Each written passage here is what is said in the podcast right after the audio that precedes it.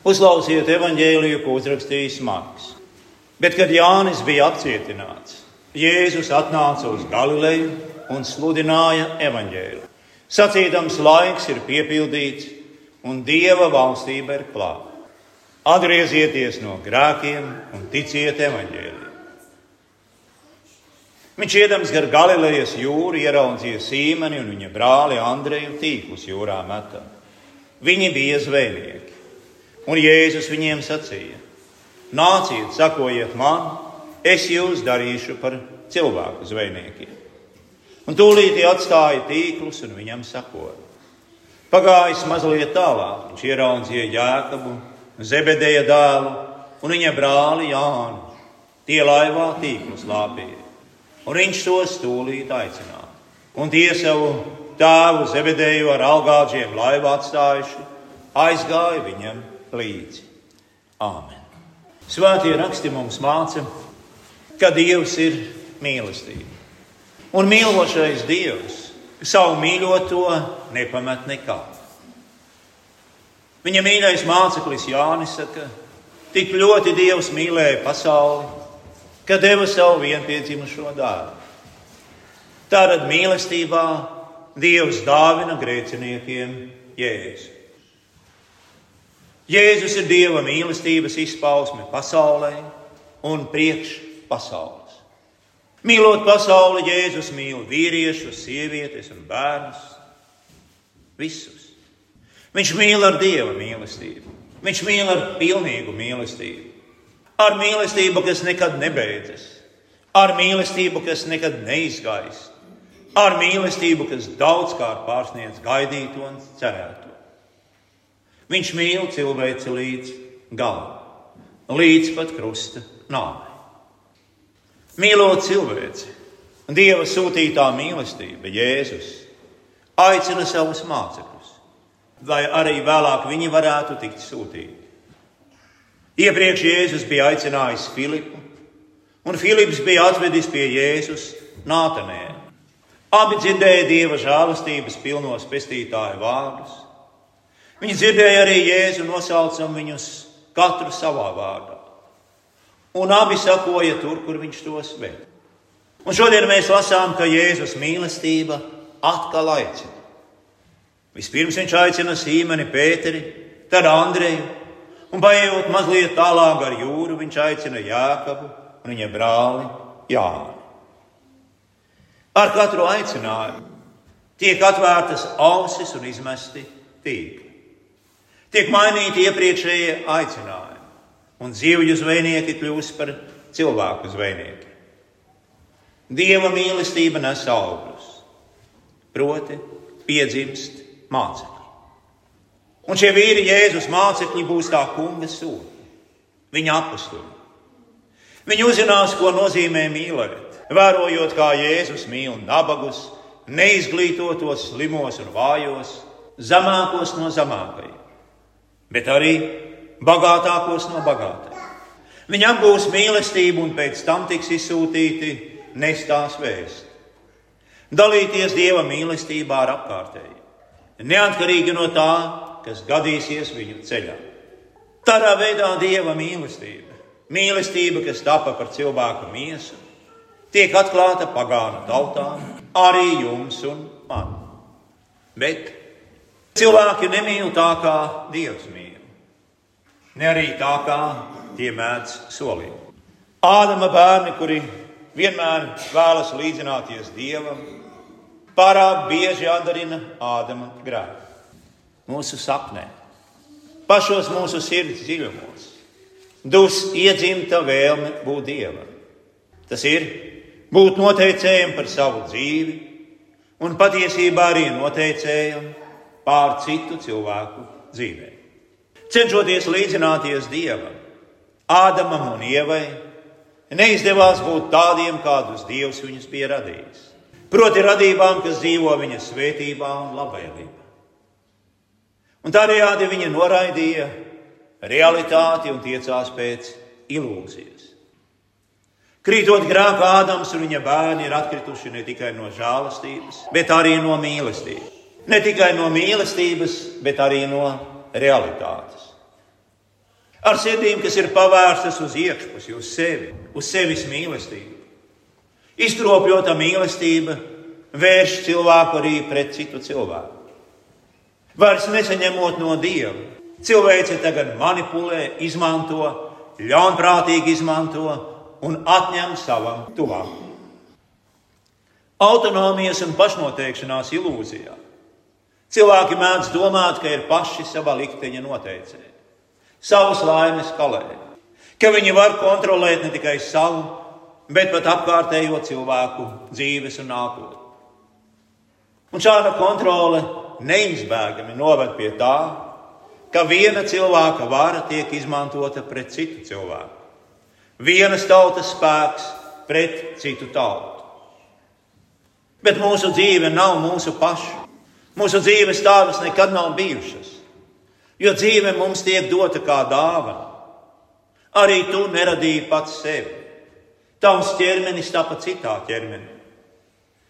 Citiem vārdiem sakot, dzīvība, dzīve, kur tu dzīvo, atnāca pie tevis no ārienes, no ārpuses. Tā atnāca kā dāvana, neatkarīgi no tavas gribas un tavas vēlēšanas. Visa mūsu dzīve ir dāvana. Gan mūsu dzīve, gan arī mūsu tuvākā dzīve. Un tas kungs pavēl skaidri un noteikti: mīli savu tuvāko kā sevi pašu. Tātad mīlestība ir Dieva pavēlēta. Kāpēc? Nu, tāpēc, ka mīlestība vairs nav dabiska. Mīlestības trūkst un trūkst visiem. Mēs neviens nemīlam vairs tā, kā vajadzētu. Un tā vietā mēs uzskatām, ka daži cilvēki ir vērtīgāki nekā citi. Sievietes griba, piemēram, esot svarīgāka par bērna dzīvību. Nācies gribai esot atļauts izkaut veselu tautu vai pat rasi. Nepilnīgie, defektīvie, invalīdi, slimie, nespēcīgie, nabadzīgie. Tie, kuram ir piemēram Dauna sindroms vai kāda cita smaga slimība, tie bieži tiek uzskatīti par mīlestības necienīgiem un tāpēc arī par dzīvības necienīgi. Un tad, kad cilvēki mīl šādi, tad viņi mīl kā zvēru, nevis kā cilvēku, nevis kā dieva mīlēta radība. Visa cilvēce ir radīta dzīvošanai, nevis tikai bioloģiskai eksistencei, kas mīja darbojas ar citiem un tiecas valdīt pār citiem, bet gan dzīvei, kas ir mūžīga. Dzīvei ar Dievu šeit, laikā un mūžībā. Dzīvei, kas ir bība, mīlestība un pāri visam uzticība. Uzticība trīsvienīgajam Dievam, uzticība savam laulātajam draugam, uzticība tam, kas pelna uzticību. Un tā ir dzīve, kas vēršas pie citiem ar mīlestību. Nevis par sevi, nevis pret sevi un citiem. Šī mīlestība atklājas Jēzu Kristu. Svētie raksti mums māca, ka Dievs ir mīlestība. Un Dieva lielajā mīlestībā pret pasauli, cilvēces, tevis un manis dēļ, Viņš sūtīja savu dēlu Jēzu. Un sūtot savu dēlu, Dievs sūtīja savu sirdi. Jēzus Dieva sirds nemīl tā, kā pasaule to pelna. Pasaule pelna nāvi. Bet Jēzus mīl visus bez jebkāda viņu paša nopelna vai cienīguma un grib dāvināt dzīvību. Jēzus mīl tā, kā mīl viņa tēvs. To, kas piešķir vērtību tev un man, tā ir viņa mīlestība. Paceļot savu roku pret otru cilvēku, paceļot ieroci pret citu tautu, tiek pacelta roka un ierocis pret to, kuru mīl Dievs. Un te, draugi, vairs nav runa par morāli. Te jau ir runa par nenovēršamo dieva sodu, kas sakos. Mūsu dievs, kas ir mīlestība, ir arī uguns, kas sadedzina. Paši par sevi, bez dieva un viņa mīlestības. Mēs esam daudz mazāk vērti nekā mēs domājam, jo mēs esam grēcinieki. Brīnumaini, bet Jēzus mīl tieši grēcinieku. Šie vīri, kurus Jēzus aicināja, arī bija grēcinieki. Visi cilvēki, ar kuriem Jēzus sēdēja pie pusdienu galda, bija grēcinieki. apkārtējās pasaules nicināt. Jēzus mīlēja slimos, viņš mīlēja nabagos, invalīdus un pašus mazākos šajā pasaulē. Un sakiet, kurš no mums nav mazāks par to, kādiem mums īsti vajadzētu būt? Un tāpēc arī Jēzus meklē mūs visus, mazākos. Viņš nāk pie slimajiem, viņš tojas grēciniekam, viņš pieskaras nešķīstajiem, viņš apkauj mazos, viņš uzmodina mirušos un nes brīvību tiem, kas ir saistīti Ādama lāsta važā. Viņš mīl mazus bērnus, viņš mīl vecas dāmas, kašķīgus večus, spītīgus un trapulīgus pusauģus, invalīdus uz viņu gultas, aplos, nedzirdīgos, vienkāršos cilvēkus, un viņš mīl pat īstus muļķus. Viņš mīl tos, kas guļ nāves gultā, un īpaši viņš mīl tos, kas vēl tikai top savas mātes klēpī. Un tiem, kas to ignorē, ir visi iemesli bīties un drebēt. Jēzus mīl vājākos un zemākos, slimākos, mazākos, vienkāršākos un jā, arī ļaunākos. Viņš mīl pilnīgi un mīl līdz galam. Viņš mīl ar plaši atvērtām un caurdurtām rokām. Viņš mīl ar asiņainu pieri un šķēpu pārceltu sānu. Viņš mīl līdz savai nāvei pie krusta. Kāpēc? Jo viņš mīl tevi, un viņš neļauj tev pazust ellē. Mīlestība upurē sevi sava mīļotā labā. Mīlestība ļauj sevi sist krustā par tiem, kas nemīl. Mīlestība ir mirusi un apglabāta, bet mīlestība tiek augšām celta trešajā dienā. Jo patiesa mīlestība, Dieva mīlestība, mīlestība, kas atklājas Jēzu, Dieva sirds, nevar nomirt mūžīgi un tagad, pēc augšām celšanās. Tā nevar nomirt vairs nekad. Un mīlestība ir vara. Tā uzvar grēku, tā uzvar nāvi, tā iznīcina vēlna naidu. Un tāpēc, tāpēc, ka Jēzus mīl tevi, tāpēc, ka Jēzus mīl mani, tāpēc, ka Jēzus mīl mūs visus, visa mūsu dzīve ir viņa dāvana un ļoti, ļoti vērtīga dāvana. Un šī dzīve, šī dāvana nav jāvērtē pēc tās ārējās kvalitātes. Tā ir jāvērtē neatkarīgi no tā, vai tā ir laba dzīve, vai tā ir veselīga dzīve, vai tā ir produktīva dzīve, vai pat dzīve, kas apgrūtina citus. Nē. Dāvana nav jāvērtē pēc tā piemītošās vērtības. Šāda dāvana ir jāvērtē pēc dāvanas devēja. Jo dāvanas labums nav atrodams pašā dāvanā. Dāvanas var arī nebūt nevainojams. Cilvēks, kurš ir piedzimis akls, joprojām var slavēt savu radītāju par dzīvības dāvanu. Tas, kas ir jāgodina, ir dāvanas devējs. Jo dāvana, lai ko mēs par to domātu, ir laba. Un tā ir laba tādēļ, ka to devis ir mūsu labais Dievs kurš vienmēr savas dāvanas dod pilnīgā mīlestībā. Mūsu Dievs dod labas dāvanas, un dod pat tad, ja tās mums šķiet nepilnīgas. Šīs labās dāvanas vienmēr ir jāsaņem nevis ar kurnēšanu, bet ar pateicību un slavas dziesmām. Šīs dāvanas ir jālolo, jārūpējas par tām un jāsargā tās.